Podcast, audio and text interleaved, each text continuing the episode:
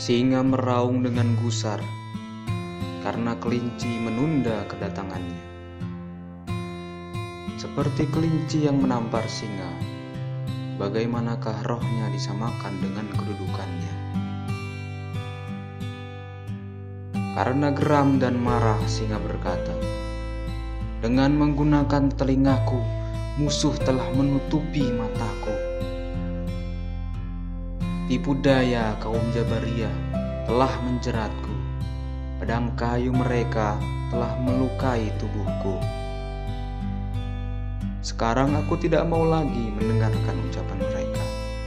Semua perkataan mereka hanya muslihat seperti halnya teriakan hantu dan kuntilanak. Wahai hatiku, hancurkan mereka sampai berkeping-keping. Jangan lamban bergerak. Ayo, koyak kulit mereka karena mereka hanya kulit semata. Apa kulit? Kata-kata yang indah seperti riak air yang tidak berkelanjutan seperti gelombang. Ketahuilah bahwa kata-kata ini seperti kulit semangka dan maknanya bagaikan bijinya.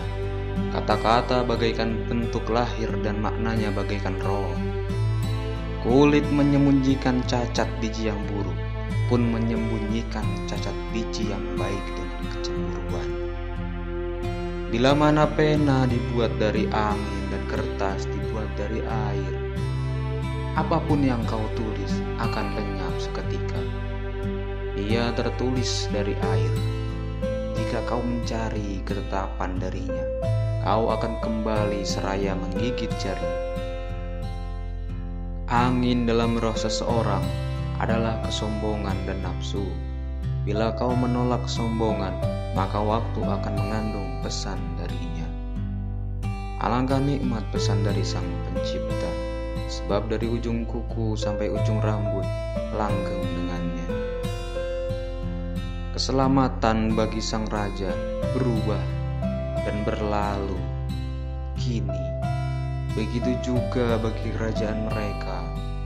Semua akan lenyap kecuali kerajaan dan lencana para nabi. Karena kemegahan raja-raja berasal dari kesombongan duniawi, sedangkan keagungan nabi-nabi berasal dari keagungan Tuhan. Nama raja-raja diperoleh dari dirham, tapi nama Ahmad, Muhammad selamanya dicetak pada dirham. Nama Ahmad adalah nama segenap nabi. Bila yang seratus nama dihitung semua, maka nama yang ke-99 selalu bersama kita.